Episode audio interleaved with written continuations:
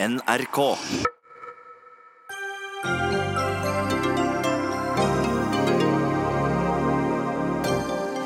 Den svenske mediepersonligheten Fredrik Virtanen fikk hele den svenske pressen mot seg etter anklager om voldtekt og trakassering, men han ble aldri dømt. I dag går boken der han slår tilbake, men er det bare dommer som avgjør metoo-saker?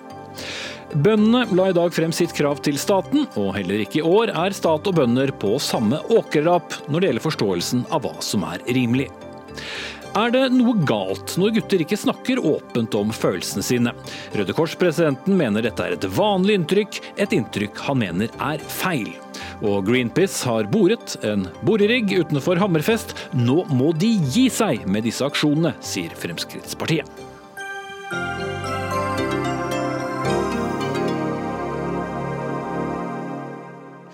Da sier vi god kveld og velkommen til Dagsnytt 18 med Espen Aas.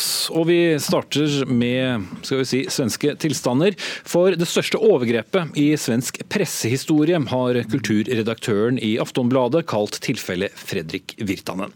Høsten 2017 eksploderte svenske aviser med omfattende saker som hevdet å dokumentere at Virtanen, en av Sveriges viktigste aviskommentatorer og mediepersonligheter, hadde begått både voldtekt og seksuell trakassering. Det førte til at han mottok drapstrusler og ble hetset, ja til og med spyttet på på gaten. Og han mistet jobben som kommentator og lederskribent i nettopp Aftonbladet. Voldtektsanmeldelsen og andre anklager de ble senere henlagt, og flere svenske medier er felt av presseombudsmannen. I dag har Virtan gitt ut sin historie i bokform, og det på et norsk forlag for svenske forleggere vil det ikke ha det. Og Fredrik Virtanen, velkommen hit. Hva får du personlig ut av nå å fortelle din egen historie uavbrutt? Personligen, ja. Eh, jag var jo tvungen å eh, berätta den här historien. Dels for at det er hva jeg er, jeg er en reporter. Eh, så på många vis hamnade jag i mitt livs story och då var jeg tvungen å rapportere om den. Sen var det ju såklart ett krishanteringsarbete att skriva meg igjennom det.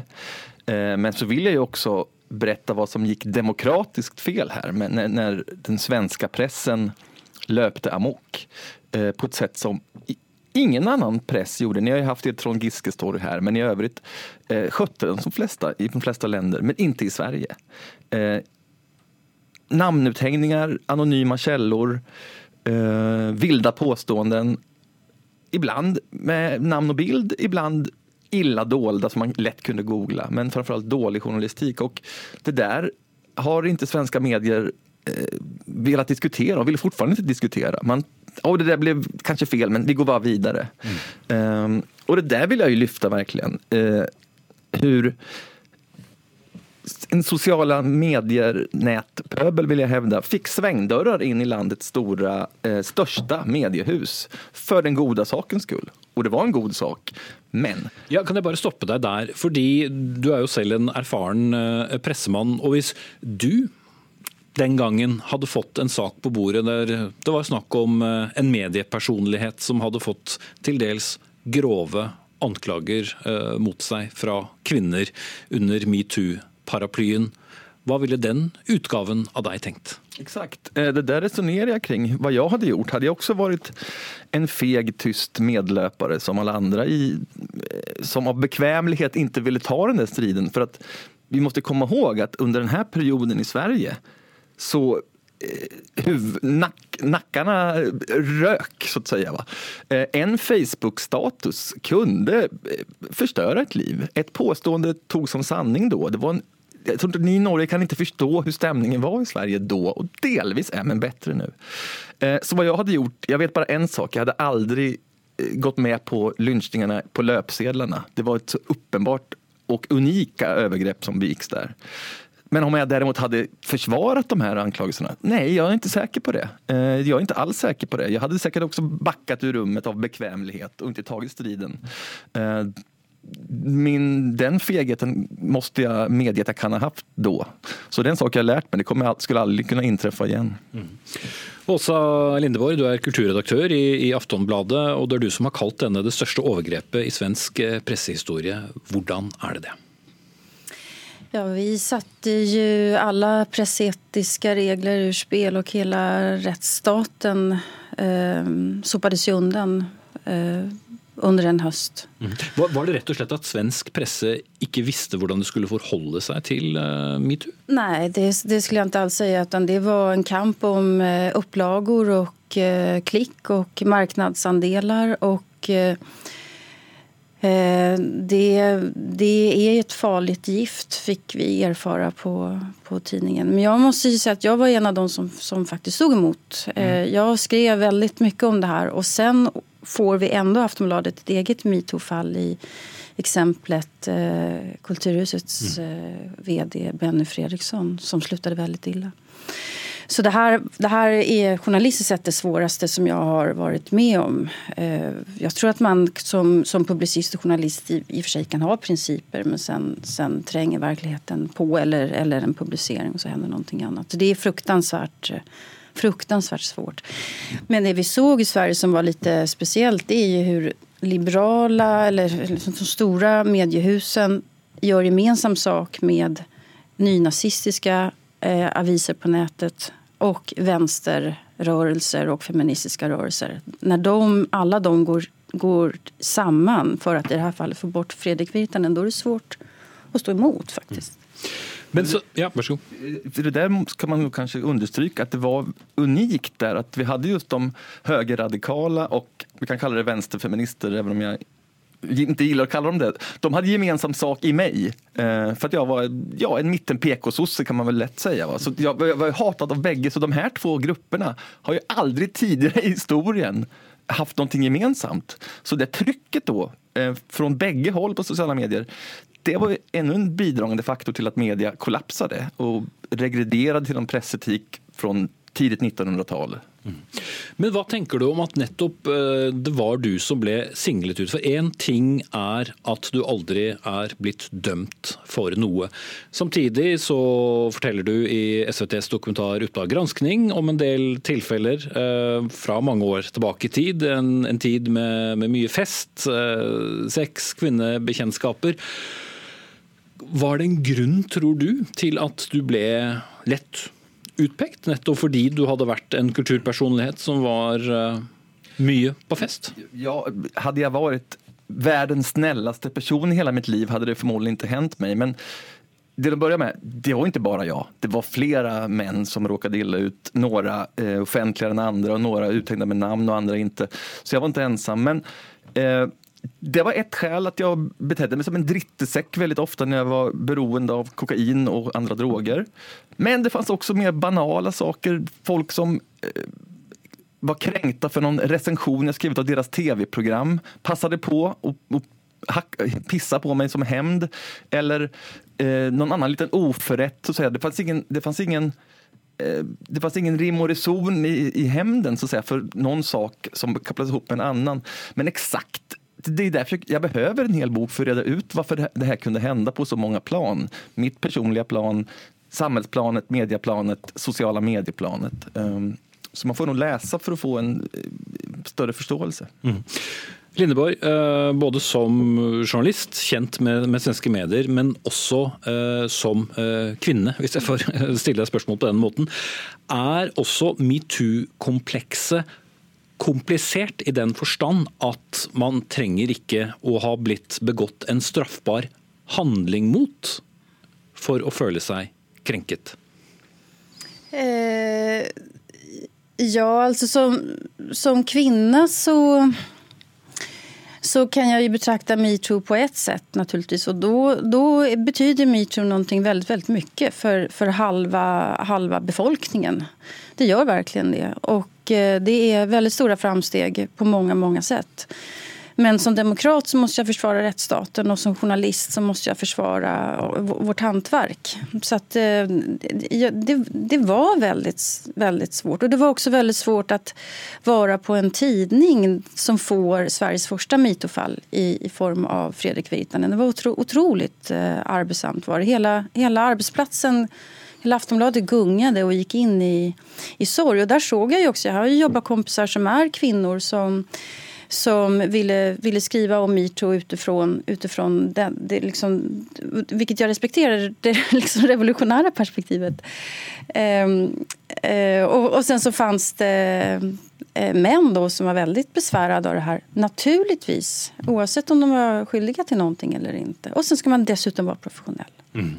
Ja, for jeg bare tenker Det er det som gjør noe av dette vanskelig. fordi eh, om jeg tar på deg på steder mm. som du ikke ønsker på veien mm. ut av studio her etterpå, så er det ikke gitt at jeg begår et lovbrudd, men det kan uh, skaffe uh, Det kan gi deg en harme, det kan gi deg et sinne. Og hvis den samme tingen skjer over lengre tid Du kan ha sagt ting, du kan ha gjort ting tilbake i 2006-2007 som har gjort at du også uh, ble et yndet hatobjekt for noen. som du for så vidt også har, har, beskrevet. Men det er jo ikke da det samme som at noen kan felle en dom, og det er heller ikke det samme som at noen kan eh, bruke eh, anonyme kilder i artiklene. Det kan man tykke, og det, det var jo da historisk vår mediedomstol som heter Pressens opinionsnemnd, eh, det var jo all, slog alle tiders rekord i fellinger. Eh, och min agenda nå er jo att svenska pressen skal prate om det her og diskutere så det blir rett. Og kanskje be om unnskyldning til lesere. for at nå er det veldig tyst. Altså, media kidnapper den her utmärkta metoo-rørelsen. De kidnapper den for å tjene penger på den, for å være med i den gode saken. Og så mye ble feil fel så nå är det liksom stopp i maskineriet. Det går ikke å prate om sexuellt våld og kjønnsfortrykkende strukturer uten å være tvungen å prate om eh, lynchningarna som hendte. Eh, för det var bare en dom og det var ju uppmärksammade fall med den så kallade kulturprofilen. Mm. I övrigt var det massa fel som inte, liksom, ingen har tagit tag i riktigt. Eh, de försökte och då skyller de på Aftonbladet eh, och Benny Fredriksson.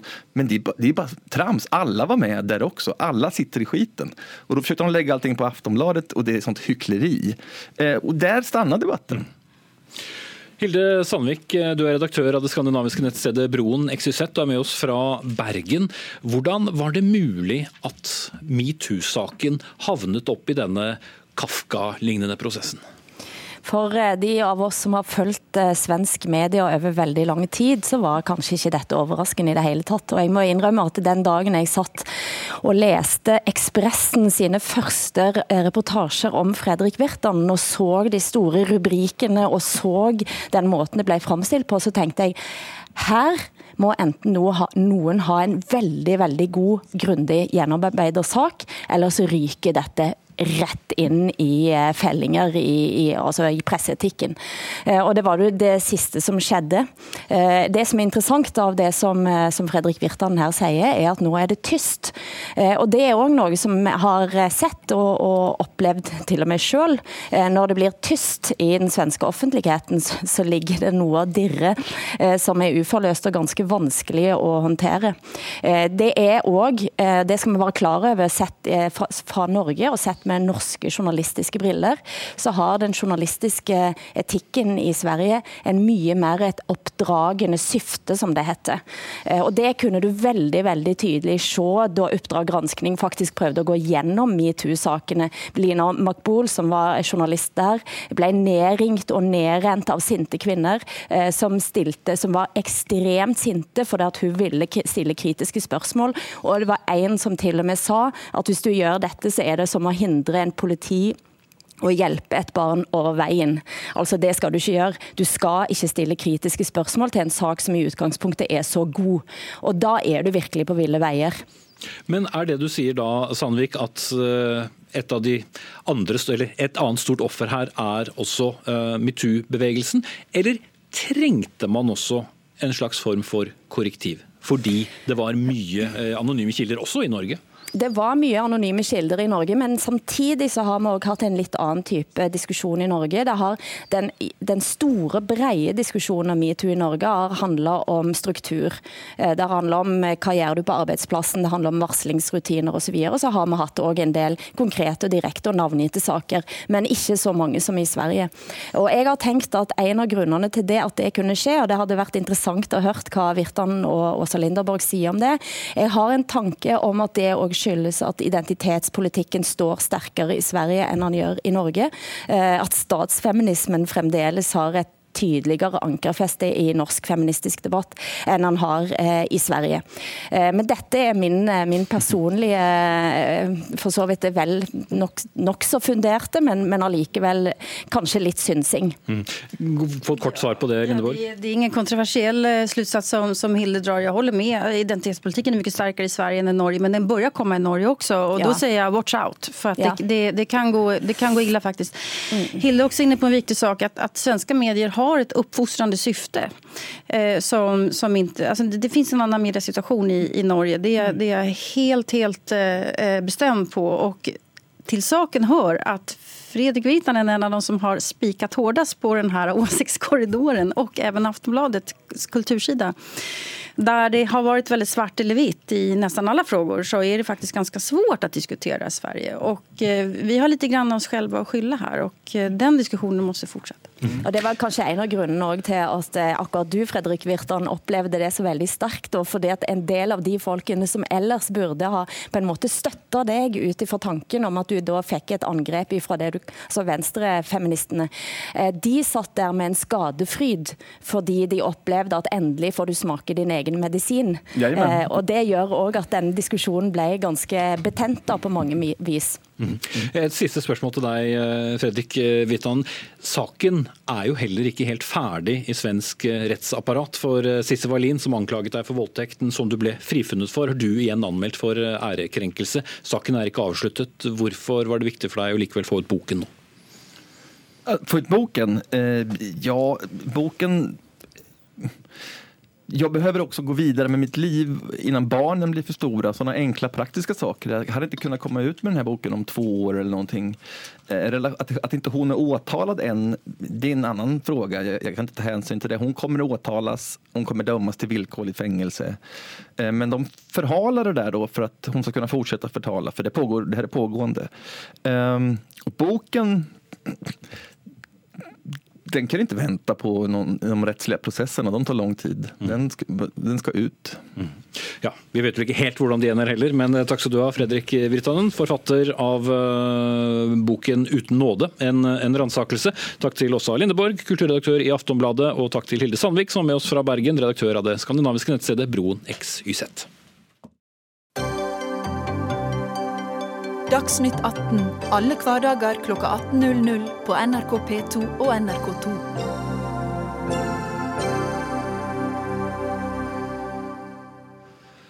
Mens det i norsk arbeidsliv kanskje i øyeblikket er mest anstrengt når det gjelder forholdet SAS og deres piloter, så var det i dag også starten på et annet oppgjør som tidvis kan bli hett, nemlig årets jordbruksoppgjør. Bøndene leverte i dag krav på til sammen 1,9 milliarder kroner, eller 31 000 kroner per år årsverk. Leif Forsell, du er stadig departementsråd i Landbruks- og matdepartementet, og vi ser deg eh, de fleste år når disse kravene mottas. og Du har vel muligens sagt det før, men du sa også i dag at dette var ambisiøse krav. Hva betyr det? Eh, det betyr betyr at uh, jordbruket i år krever hele 1,5 milliard kroner i budsjettøkning uh, spesielt. Uh, over 1500 millioner kroner. Og vi har jo en jordbruksavtale fra før som er på ca. 15 milliarder, så vi snakker om en økning på 10% dette innebærer jo at landbrukspolitikken er på vei til å endre seg ganske betydelig. Jeg tror de fleste bl.a. rundt bordet her vil mene at det beste var jo at Eh, bøndene kunne hente hoveddelen av sine inntekter gjennom eh, gode landbruksvarer som de solgte til forbrukerne til gode priser. Mm. Men Du er vel samtidig ikke så overrasket i starten på et oppgjør at det kommer litt høyere krav enn det dere kunne tenkt dere? Eh, nei, det er jo en del av, av dagens orden, eh, naturligvis, at jordbruket fremmer et krav som er høyere enn det de har ambisjoner om å få, få innfridd. Men problemet er jo at vi har en rekke utfordringer i jordbruket nå knytta til fallende eller stagnerende salg, økte kostnader. Og så forfølger jordbruket med uforminska kraft i den situasjonen en inntektsambisjon som de da ikke kan realisere på noen annen måte enn at de kommer da og ber staten om å bevilge et uh, mellomlag. og Det begynner å bli veldig stort, og det dreier landbrukspolitikken i en uheldig retning i lys av budsjettsituasjonen for landet. Men jeg tror også at det dreier selve landbrukspolitikken i en uheldig retning, der eh, jordbruksavtalen mer og mer blir en budsjettavtale hvis det skal fortsette slik framover. Mm. Lars Petter Bartnes, du er leder av Norges Bondelag og har vært i studio før for å snakke om dette. Men er det blitt så vanskelig å være bonde at dere stadig må ha mer penger fra staten?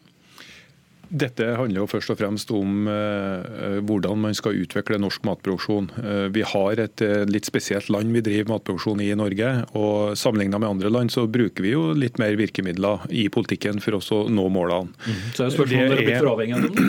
Ja, nå er det jo sånn at De siste åra så har vi hatt en forholdsvis liberal politikk, en dreining i landbrukspolitikken. Og Det har jo bidratt til at vi har fått større bruk. Vi har fått en sterkere sentralisering sentralisering av produksjon. Og eh, Landbruket vårt er jo spredt over hele landet fordi at matjorda ligger over hele landet. og Da må vi jo eh, emne å sette inn virkemidler så at vi sikrer den matproduksjonen som vi har i Norge. Fjorårets tørkesommer den viste jo alvoret i situasjonen tørt og varmt i sør, relativt gode vekstforhold i nord. Og Det kravet vi reiser, ja, det er også et svar på å sikre matproduksjon i hele landet. Mm. Og så er det jo sånn at det handler jo ikke kun om nasjonalbudsjett og budsjettoverføringer. Dette handler jo også ikke minst om at det er et inntektsoppgjør der vi skal sørge for at bonden får mulighet til inntektsutvikling. Og Vi ligger jo bak andre grupper, eh, relativt langt bak andre grupper, og nå krever vi en reduksjon av inntektsgapet på 11 000 kroner i ei tid der at eh, vi mener det er viktig å satse på matproduksjon i Norge. Mm. Men du nevnte det jo selv at det har vært en konsolidering, altså vi har fått færre og større bruk. Men likevel så trenger man da eh, mer. Betyr det at det ikke har gitt noen gevinst ennå? Ja, nå er det jo sånn at eh, Landbruket i Norge eh, på en del produksjoner vi produserer jo det forbrukerne ønsker og klarer å kjøpe. Eh, på svin, småfe og, og egg f.eks. Der har vi en stram markedsbalanse. Og Vi har jo innrettet årets jordbruksoppgjør sånn at de får en svakere inntektsutvikling enn i de produksjonene som har markedsmuligheter. Sånn at På korn og grønt eksempelvis, der har vi satt inn en prioritet for å øke produksjonen. og Det handler jo om om å svare på folks ønske også om å ha en sterk matproduksjon i Norge. Og Da må vi utvikle eh, kornproduksjon i kornområdene og gras- og husdyrhold i grasområdene. Eh, Kjersti Hoft, du er leder av Norske bonde- og småbrukarlag, og da eh, bønder med, litt mindre matjord enn eh, kanskje noen av medlemmene til, Bartnes her. Men man tenker jo dere er jo selvstendig næringsdrivende, så mange andre selvstendig næringsdrivende som skal tilpasse seg et marked. Og så bruker vi da staten for å få endene til å møtes mer. Men det virker jo på noen som et paradoks at markedet fungerer så veldig annerledes for jordbruket enn ellers. Det er jo nå sånn at eh, landbruket skal ha en lik utvikling på, eller en lik inntektsmulighet som resten av samfunnet vårt. Og vi er jo vi, vi er et høykostland. Og vi har et eh, importvern som er eh, noe hølete. Og det er jo at vi òg må konkurrere med utlandet. Og da, da, da, blir det dyrere å bruke, drive matproduksjon i Norge enn det er utafor Norge. Men samtidig har dere jo eh, også importvern på, på mange områder? Vi har importvern på mange områder, men hvis du ser f.eks. på melkeprodukter, så importeres det nå veldig mye ost, og uten eh, toll, fordi at det importvernet begynner å bli ganske dårlig. Og det tar jo fra landbruket mulighet til å produsere den mjølka sjøl. Så det gjør jo at vi mister inntektsmulighet ved at importvernet er såpass svakt.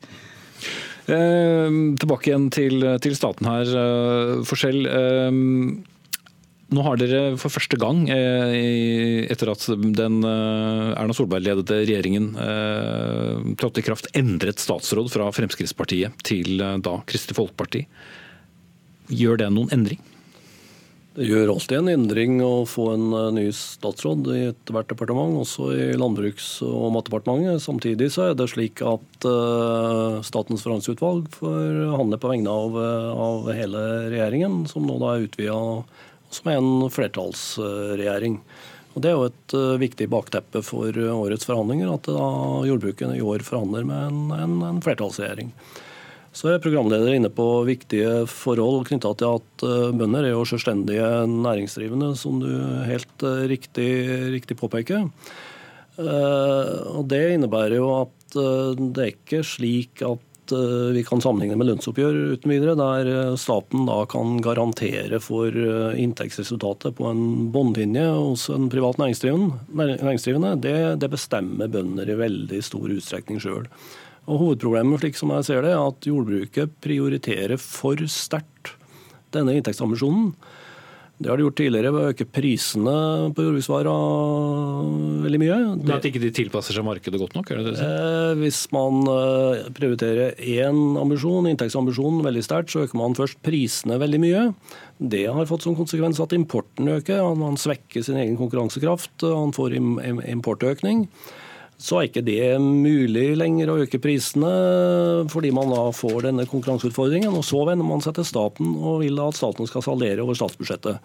Og Det vrir da hele målbildet i landbrukspolitikken eh, ganske mye, og potensielt på en uheldig måte. Og Det er ikke slik at statsbudsjettet er av en uendelig størrelse framover.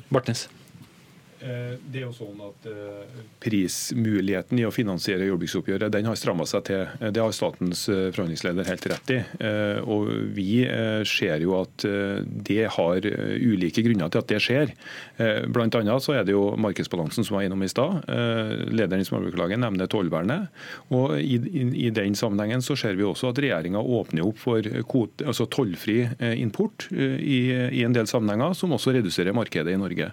Så vil jeg jo vise til at norsk matproduksjon og landbruket bygger jo større verdier enn kun matproduksjon. Oppdraget vårt det er å produsere mat til den norske befolkninga, men vi har, får en god del tilleggsverdier også, i og med at landbruket er til stede eh, i hele landet. Vi eh, skaper verdier og pløyer tilbake til lokalsamfunnene.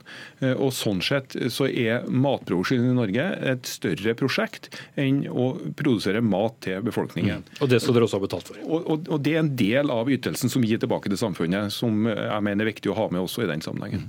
Sylvi Listhaug, som jo også var landbruksminister en periode, hun sa i forbindelse med fremleggelsen av Granavolden-plattformen til den nye flertallsregjeringen at delen om landbruk den kunne vært skrevet av Bondelaget. Det burde kanskje du svart på det, Bartnes, men jeg sender den videre til deg, Kjersti Hoff.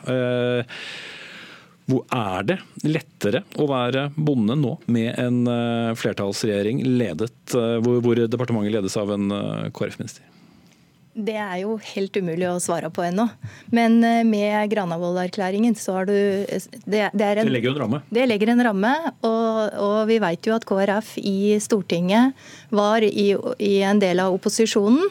Så, så jeg forventer jo at KrF har med seg det videre inn i regjeringa og kan være med å påvirke mm. Så det skapte litt ekstra forventninger? Det, det skaper forventninger, ja. Mm. Cato Nyquist, du er politisk redaktør i avisen Nasjonen. Kravet er ikke overambisiøst, skriver du i en eh, kommentar, så dette er overkommelig? Ja, i hvert fall ut ifra en sånn enkel analyse. Sammenligne studiet fra fjorårets uh, forhandlinger. Da, da fremma jo landbruket et krav på 1,8 milliarder. Og, og man kom fram til en avtale hvor rammen var 1,1 milliard. Så eh, årets krav er jo ikke så ulikt det som, eh, som kom i fjor. og da, da kom man jo fram til en avtale. For første gang så var jo begge de her eh, bondeorganisasjonene med og skrev inn på avtale med, med en Solberg-regjering. Mm. Og så kan jeg si at eh, Forskjell har jo også en riktig situasjonsbeskrivelse. altså Handlingsrommet i norsk økonomi vil bli trangere framover. Og det er også helt riktig at eh, bøndene krever eh, en betydelig del av inntektsutviklinga over statsbudsjettet. Men samtidig så, så vet jo forskjell også at de, de politiske forutsetningene er endra, i og med at du har en ny regjeringsplattform som, som har også sett et, noen ambisiøse mål, og du har en, en KrF-statsråd som, som eh, har mye å bevise. Så at, eh, jeg tenker at eh, jeg tenker at det kravet som bøndene har framme, jeg er på en måte realistisk ut ifra det. Mm. Så sitter det mange der ute som aldri har bedrevet en time med landbruk og lurer på blir det dyrere å være forbruker. Nei, i liten grad. Jeg har jo hørt begge partene her snakke om at det er litt rom for prisøkninger. og Det betyr jo også da at prisen i butikken vil, vil ikke øke noe utover den generelle prisstigninga. Så, så, det ble i svært liten grad noe dyrt for forbrukeren. Mm. Forskjell, eh, det fungerer jo sånn at eh, bøndene legger først frem eh, sitt krav, og så synker det, og så kommer dere med et tilbud. Men hvis du skal forsøke å forklare folk der hjemme hvordan dere resonnerer utover det du har poengtert, altså hva, hva skjer videre? Altså, kan man også bruke et jordbruksoppgjør til å f.eks. For forme da landbrukspolitikken enda mer? Ja, vi gjør jo alltid det. Vi forsøker å nå de målene vi har for landbrukspolitikken. Produsere den maten folk vil ha. Det jo utgangspunktet. Legge til rette for at vi har et landbruk over hele landet som gir de tilleggsverdiene som Lars Petter Bartnes sier. Vi legger vekt på at eh, man skal ha en god miljøtilstand, ikke forurense. Vi har noen klimautfordringer som eh, vi også skal bidra til å løse, og vi legger vekt på innovasjon og, vekstevne. Mm. Så slik sett så har ikke disse det på samme måte som mange andre selvstendig næringsdrivende, i og med at dere som stat også kan påvirke deres hverdag i langt større grad ja, hvert eneste år enn det mange andre vil oppleve? Det kan vi påvirke, men samtidig har jo da jordbruket i Norge den unike posisjonen at de også da kan komme og ha en dialog med staten og påvirke hvordan staten staten da innrette, innrette budsjettmidler på vegne av Stortinget, da, og med Stortingets endelige godkjenning når, når Stortinget da behandler et jordbruksoppgjør en gang i juni. Mm. Det blir i hvert fall spennende. Det er det 69. oppgjøret mellom staten og bøndene i år, hvilket betyr at vi kanskje omtrent like mange ganger har opplevd avstand mellom partene. Takk skal dere ha. Kjersti Hoff, leder av Norges, Norsk Bonde- og Småbrukarlag, Lars Petter Blatnes, leder av Norsk Bondelag, Leif Forskjell, departementsråd i Landbruks- og matdepartementet, og Cato Nyquist, politisk redaktør i Nasjonen.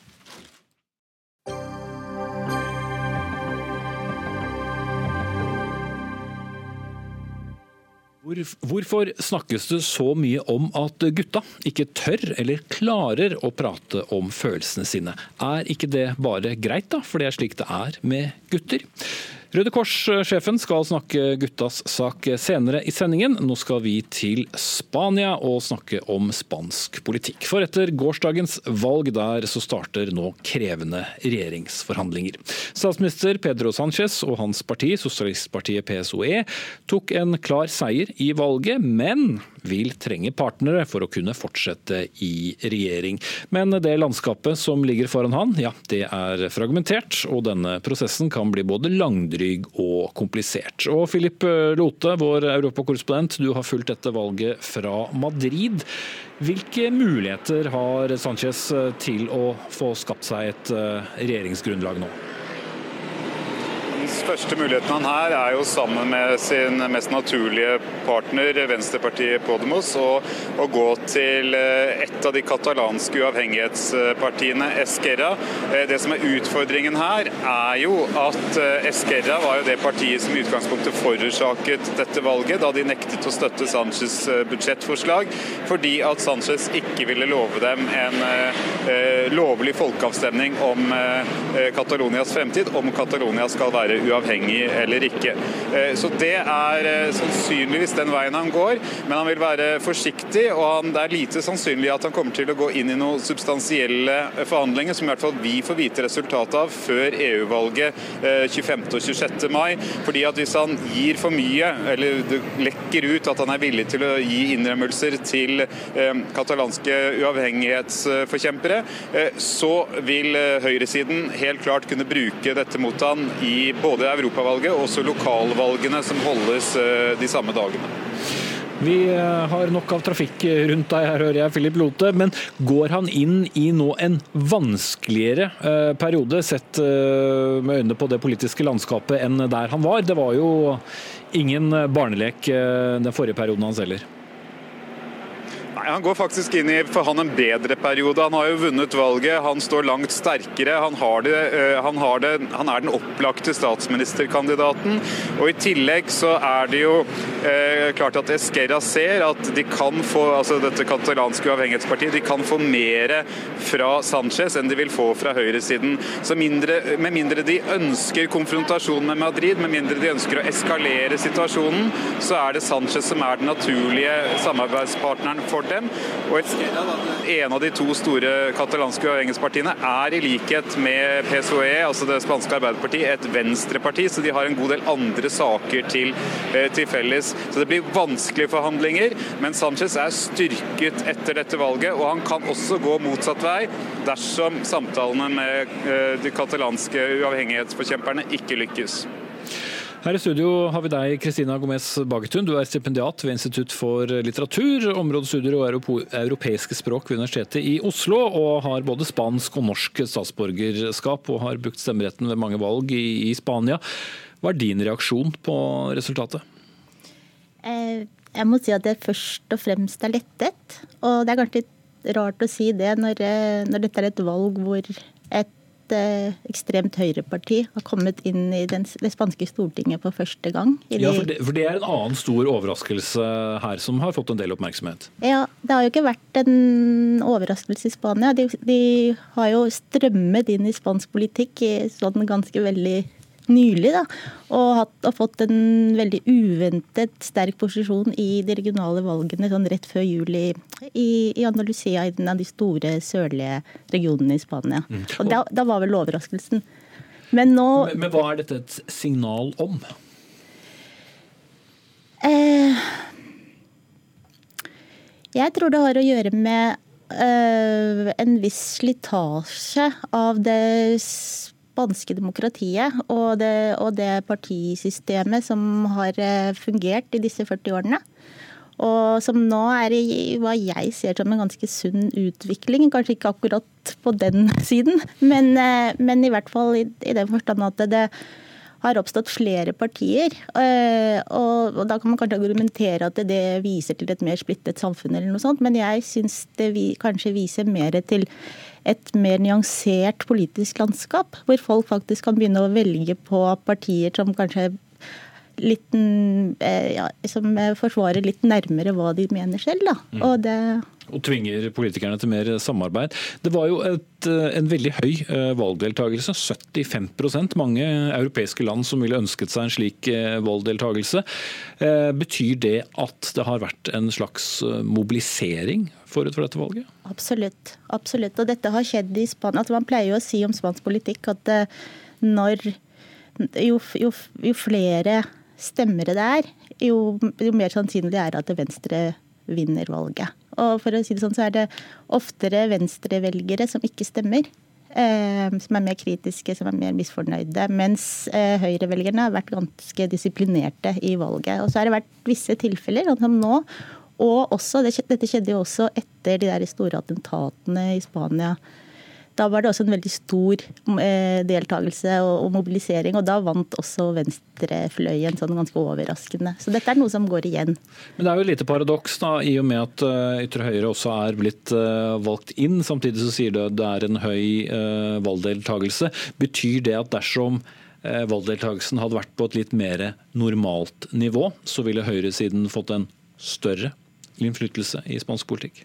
Jeg tror det. Altså, det blir jo litt spekulering, da. Men det tror jeg, det tror jeg er sånn ganske åpenlyst, ja. Mm. Så er det slik at I Spania som i USA og andre så er det da en todelt nasjonalforsamling. og Det var valg samtidig både til Senatet og Kongressen. I Senatet har venstresiden fått da et rent flertall. Men denne dynamikken, hva får den å si? At de der har et rent flertall, men eh, det krever litt mer eh, skreddersøm og, og samarbeid eh, når det kommer til Kongressen? Um, ja, altså Det er jo Stortinget eller Kongressen som har for å si sånn, den daglige, daglig politiske livet, da, som danner regjering og sånn. Men Senatet er ganske viktig i sånne hva skal jeg si, litt ekstreme situasjoner. Eh, det er de som kan sette inn en unntakstilstand. Det er de som f.eks. kan endre. De, de, må være med på at eh, man skal gjøre endringer i Grunnloven, som har vært en diskusjon som har blitt kommet opp igjen opp igjen de siste årene i Spania. Og det er også de som må støtte at man setter setter i gang, som f.eks. Den, det lovverket som har gjort det mulig å avsette den katalanske regjeringen, eh, demokratiske valgte katalanske regjeringen, og, og, og, som flere av dem nå sitter i fengsel, har sittet i fengsel i ett år. Mm. Så Senatet er jo viktig, og det er første gang siden 1993 at eh, sosialistene har hatt eh, flertallet i Senatet. For det til og med, selv om det har vært eh, venstreregjeringer i disse årene, så, så har, de, har, de, sittet med et høyrestyrt senat. Og det jo, så nå blir det veldig spennende egentlig å se hva de gjør med det flertallet. Da, om de setter i gang de, de reformene som man har nå diskutert så lenge, og som Høyre har vært veldig liksom jobb, motarbeidet veldig. Mm. Eh, helt til slutt, Det katalanske spørsmålet, er det nå satt til side? Altså, det har jo vært folk som har sittet i fengsel og har stilt til valg. Ja, nei, de sitter jo fortsatt, de. Og, og jeg syns Dette er kanskje litt, en litt personlig mening, men eh, det har vært mye diskusjon om, eh, om, at det hadde vært best om, om PSOE, altså Arbeiderpartiet, kunne danne regjering uten å måtte ha støtte fra separatistpartier. Jeg syns personlig at det er ganske sunt ja, at de faktisk må ha støtte av separatistpartier. For det betyr, det, fordi det betyr at folk blir tvunget til å sette seg ned og forhandle og snakke seg fram til løsninger, og ikke bare kan trampe over det, altså, ja, behov som en god andel spanske statsborger ser ut til å ha. Da. Mm. Men aller først må de også finne ut uh, hvordan eh, et flertall eventuelt skal se ut. se ut. Takk skal du ha, Kristina Gomez Bagetun, stipendiat ved Institutt for litteratur, områdestudier og europeiske språk ved Universitetet i Oslo. Og takk også til eh, vår europakorrespondent Philip Lote, som var med fra Madrid.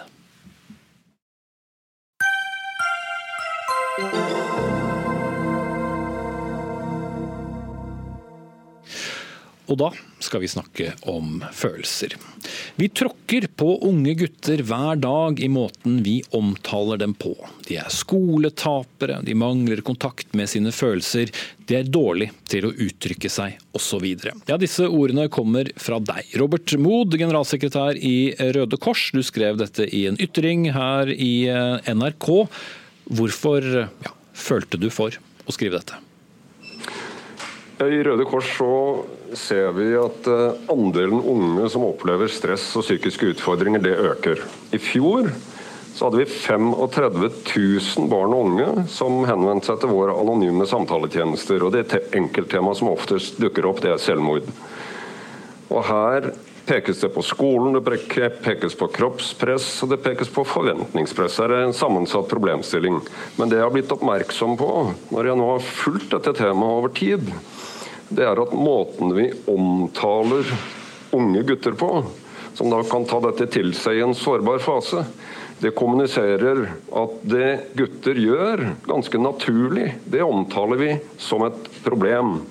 Og hvis du er en av de gutta da som sitter og kjenner på at knuten i magen den vokser seg større og større fordi at du syns det er vanskelig å prate om det, så tråkker vi disse enda lenger ned.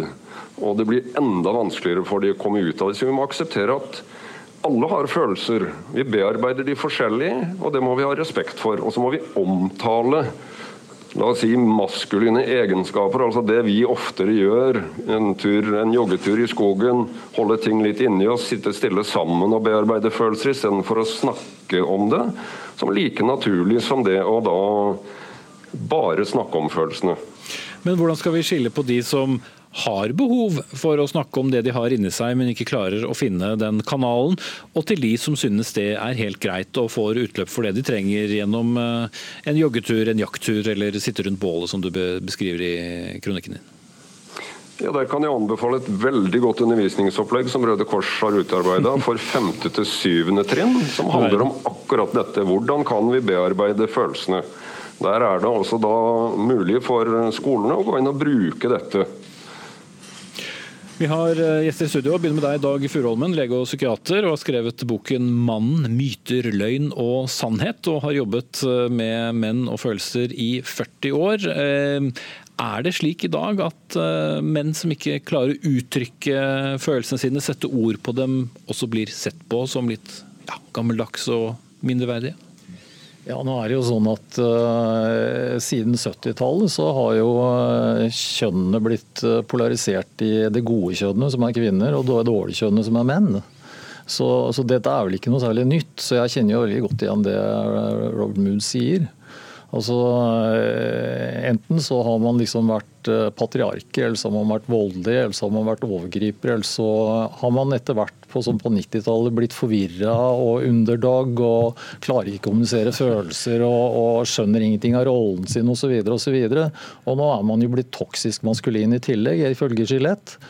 Så, så, det er klart at uh, unge menn som, som, på en måte får dette inn fra media og andre kilder stadig vekk, de må jo begynne å tvile på sin egen eksistens og sin egen selvfølelse. så jeg mener ikke at man ikke skal lære seg å uttrykke følelser, men, men, men, eh, det er noe med dette negative bakgrunnsteppet, altså den kollektive bevisstheten rundt maskuline, som er eh, ganske uheldig i dag. Ja, men Skal man da la de bare være i, i fred? Altså, som jeg prøvde å, å si i sted, Noen vil jo ha et behov for å snakke ut om ting. altså La gå at det sikkert har vært mange like karakteristikker gjennom 40-50 år, men det er jo et annet samfunn nå? Ja da, altså nå er det jo sånn at uh, eh, F.eks. i USA så har man et, nå, et sånn type paradigmeskifte igjen. og det, De tror jo på det, da, at uh, menn som ikke uttrykker følelser, de blir voldelige. Det finnes jo ingen forskning som viser at dette er riktig, det er bare tøys alt sammen.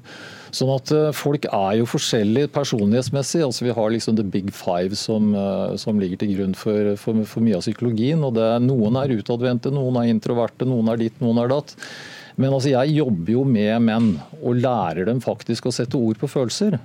Og jeg jobber også med kvinner og lærer de å sette ord på følelser. Så egentlig så er det ganske liten forskjell når det kommer til stykket. Så det er ikke så kjønnsbestemt?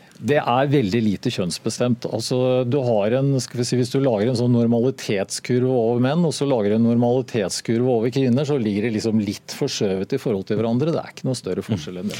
Men Hedvig Montgomery, du er psykolog og i likhet med din uh, sidemann her, mor til uh, tre gutter. Hvorfor er det da et sånt voldsomt fokus på, hvis det er det, at gutter må åpne mer opp, må snakke mer om hvordan de har det?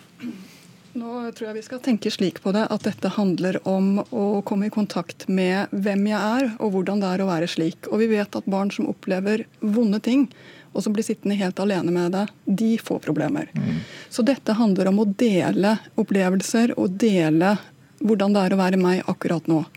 Og det vi ser, det er at det er lett å la guttene forsvinne inn i en slags eh, gutteboble i noen år, hvor de kanskje hadde trengt litt mer interesse fra verden rundt. De hadde trengt foreldre som koblet seg på og spurte 'hei, hvordan går det?'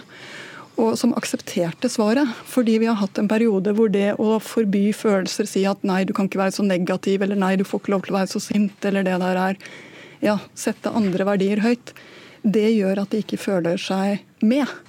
Og jeg må jo si at I den eh, kronikken som Robert skriver, så skriver han en veldig viktig ting, nemlig at det å sitte sammen og kjenne at sånn kan, går det an å være, mm. sånn går det an å ha det, er en viktig ting. Og det er ikke bare å snakke. altså Du trenger ikke en tipunktsliste om å, å snakke om følelser, men du trenger å lære deg både å kjenne hvilke følelser du har, og å møte andres følelser. Det er en viktig egenskap ved det å være menneske. Mm. Men uh, Furuholmen, du sa også til oss etter at du har lest Mosikri sin kronikk da, at uh, han har en del rett, men også noe feil. Hva, hva er feil? Nei, altså jeg er jo ikke noe for at uh, man bare skal gå rundt og lære seg å være taus og, og heltmodig. Altså fordi du kan si i vårt, hele, hele historien bakover så har vi jo hatt behov for helter. ikke sant? Og den rollen er alltid unge gutter som har fulgt. Og disse gutta de må vi da tillate å være holdt å si, disposable. De må kunne forsvinne, dø, eh, utryddes uten at eh, vi som da trenger dem til å forsvare oss, hjelpe oss, utføre heltemodige handlinger, at vi blir for emosjonelt opphengt i dem. Så vi er ikke så veldig opptatt av hvordan menn har det generelt. Jeg vet ikke om du kjenner til den historien med Boko Haram og, og disse kvinnene som, eh, som, rørte en hel verden. Alle kjenner det. Før, før, det skjedde, så var det eh, over 1000 unge menn og gutter som fikk kappa av huet, ble brent i hjel osv. i det samme landsbyområdet. Hvor mange som har hørt om det? da? Mm. Men aldri hørt en annen historie. Eh, Robert Mood? Ja, Det er jo ikke det si, steinaldersynet på menn jeg eh, forfekter. Jeg forfekter tvert imot at vi må bare ta veldig inn over oss at det kan være forskjellige innfallsvinkler. Fordi at en gutt som blir veldig lei seg, han kan ta ut det i et voldsomt sinne. Mens han da kan være i f.eks. i klasserommet, hvor en jente som blir veldig lei seg, kan ta det være flink, mye flinkere til å prate om det. Og Hvis vi da eh, gjør den gutten til det store problemet uten å finne en litt annen vinkling for å nå han, så gjør det vondt verre. Og Jeg har jobba også i 40 år med veldig hardføre menn som har, jobbet, som har vært i ekstreme oppdrag i utlandet, de er veldig flinke til å snakke med hverandre. De er veldig flinke til å bearbeide følelser, men de gjør det på en annen måte. Det er færre ord, det er mer samvær. Det er gjerne litt mer fysisk. Og etter hvert så kommer man da inn og får bearbeida dette også med følelser som ett av verktøya. Mm. Ja, for Montgomery har sett på noe av det du har sagt. Du har jo også snakket om uh, mange steder at det er viktig at uh, gutta uh, åpner opp. Det er litt vanskelig å forstå hvordan vi skal navigere her? Dette handler om å koble seg på. hvordan du har det, er noe jeg skal være interessert i som forelder. hvordan gutta mine har hatt det i løpet av skoledagen, er noe jeg faktisk skal bry meg om. Og når de sier at det har vært bra, eller midt på treet eller dårlig, som stort sett er de tre svarene du får når du har sønner, så er faktisk alle de tre svarene gode. Mm. Og Men du skal stoppe der? Ja, du skal faktisk lære barna at du aksepterer det de svarer. For når du har lært dem at jeg aksepterer deg, og sånn som du reagerer, da har du også hjulpet dem til å akseptere seg selv. Mm. Slik er det med gutta. Da har vi i hvert fall eh, snakket om det. Takk skal dere ha alle tre. Robert Mood, president i Norges eh, Røde Kors, Dag Furholmen, psykiater, og Hedvig Montgomery, psykolog. Hør Dagsnytt 18 når du vil. Radio NRK Radio.nrk.no.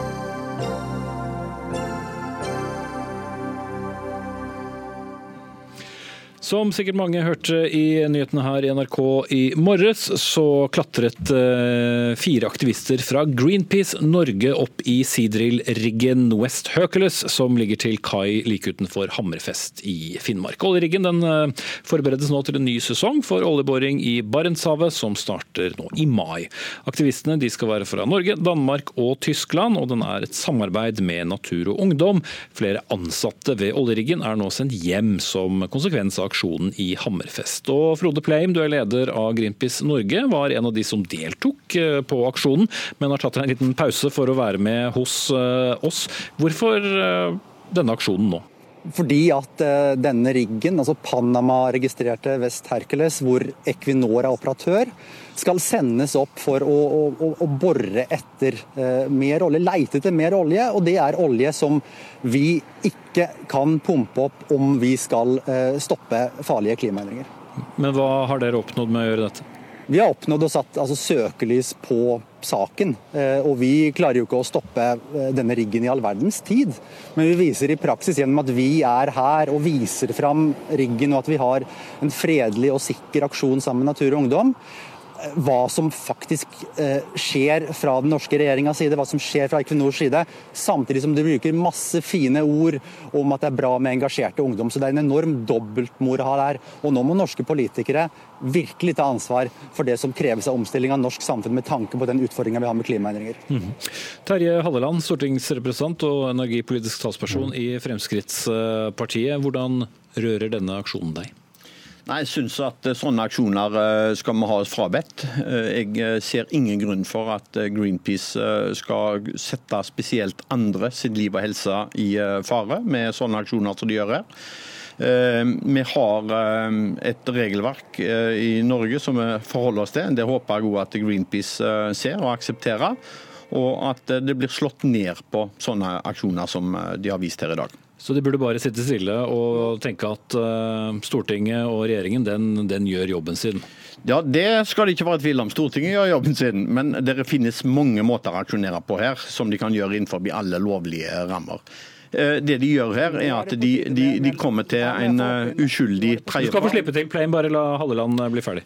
Hvis de ønsker å, å, slå ned på noen, så må de slå ned på de som tar disse beslutningene og gir disse selskapene lov til å drive med den aktiviteten som de gjør der oppe. Altså dere? Altså oss. Og, og aksjoner gjerne på oss. Ta kontakt med oss. Vi er tilgjengelige for dem anytime og, og, og skal ha en, en, god dialog, eh, uten at dette skal gå på risiko for et selskap som driver med lovlig aktivitet, og skal passe på at en, at en ikke får Så at uh, Grønn Ungdom eh, slapp ned et litt protesterende banner fra galleriet på Stortinget i dag f.eks., det, det er da greit, eller? Nei, det er vel i grunnen ikke greit det heller. Iallfall ikke inne i stortingsbygget. Der skal vi ha respekt for, for det arbeidet som, som, skjer der. Men det finnes mange andre plasser og muligheter som en kan gjøre det. Mm. Og, og litt, skal, nei, du må vente litt, for uh, tiden går her. Frode Pleim, hvorfor ikke bare be om et uh, møte med energi- og miljøpolitikere på Stortinget, hvor uh, det kanskje er større sjanse nå igjennom? Det var ikke meningen å være frekk og avbryte her, men, men, nå er det på tide med en faktasjekk for Halleland. For, for omtrent et år siden så eh, sa han at eh, Greenpeace må frata sin statsstøtte. Greenpeace tar i verken imot støtte verken altså fra næringsliv eller fra norske myndigheter. Og nå her i dag så står han og sier at uh, aksjonen ikke er sikker og at det er farlig osv. Og, så og så har vi politiet som har vært ute med i dag og sagt at uh, aksjonen nettopp er sikker. Så istedenfor å fokusere så voldsomt på noen fredelige aktivister fra Natur og Ungdom og Greenpeace som henger ei lita stund i en ålrigg som skal lete etter mer olje, kanskje Halleland, som har makt og som har mulighet til å endre ting som stortingspolitiker fra Rogaland, som, som energipolitisk talsmann for Frp, og som da liksom er med i regjering for å virkelig sørge for at vi nummer én sørge for å møte de store utfordringene som finnes i forbindelse med klimaendringene. Og nummer to, og det antar jeg tallene er veldig opptatt av, sørge for at vi har trygge og gode norske industriarbeidsplasser i framtida. Og da må vi skifte, men, sakte, men sikkert, fra norsk olje til fornybart. Ja, Men hvorfor avtaler du da ikke, som var spørsmålet mitt, et møte med Halleland og hans kolleger på Stortinget og forteller nettopp det, i stedet for å gå om bord i en rigg på en helt annen kant av landet? Og jeg er veldig glad for at du stilte det spørsmålet en gang til. For det er også det som Halleland sa akkurat for ett år siden, og akkurat for ett år siden nettopp i Dagsnytt 18. Nemlig at vi må gjøre andre ting. Greenpeace gjør nettopp det sammen med Natur og Ungdom. Vi skriver høringsuttalelser. Vi møter Hallelands parti og andre partier på Stortinget. Vi, vi, vi sitter på folkemøter.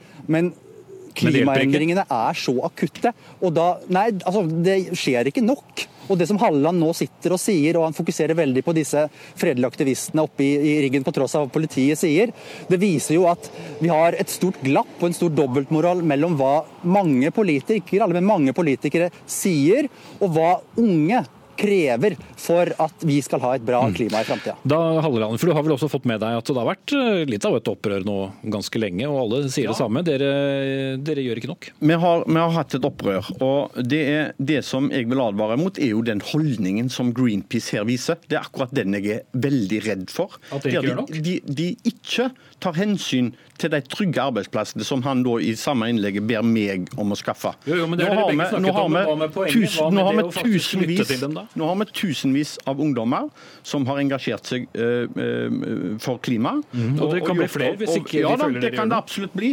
Men og det er den holdningen til disse ulovlige aksjonene, der de setter både sine egne og andres liv og helse i fare, som jeg er redd for at med den holdningen som Greenpeace uh, viser her, at det er flere ungdommer som gjerne da finner seg lokka, blir lokka, til å, å gjøre ting som en ikke burde gjøre, og gå inn på industriområder Så og, og aksjonere. forbilde? Han er et veldig dårlig forbilde. Jeg hadde håpet at både Greenpeace og Natur og Ungdom kunne vært gode forbilder for de ungdommene men, som engasjerer seg positivt for klimaet. Men de gjør det jo fordi de synes at ikke dere som er valgte på Stortinget er noen gode forbilder, og ikke lytter til noen voksne slekt? Og, og, det er helt klart at uh, her er det ulike meninger uh, som er ute og går. Vi mener at uh, regjeringen legger ned en veldig god jobb for klima, og, og har inngått internasjonale avtaler som skal opprettholdes sånn at vi skal klare å nå Paris-målene. Det er ikke Norge som er problemet her, men da må vi gjøre den jobben i lag, og ikke med sånne holdninger som, som Greenpeace viser her. Da skal vi kort opp til deg, Pleim.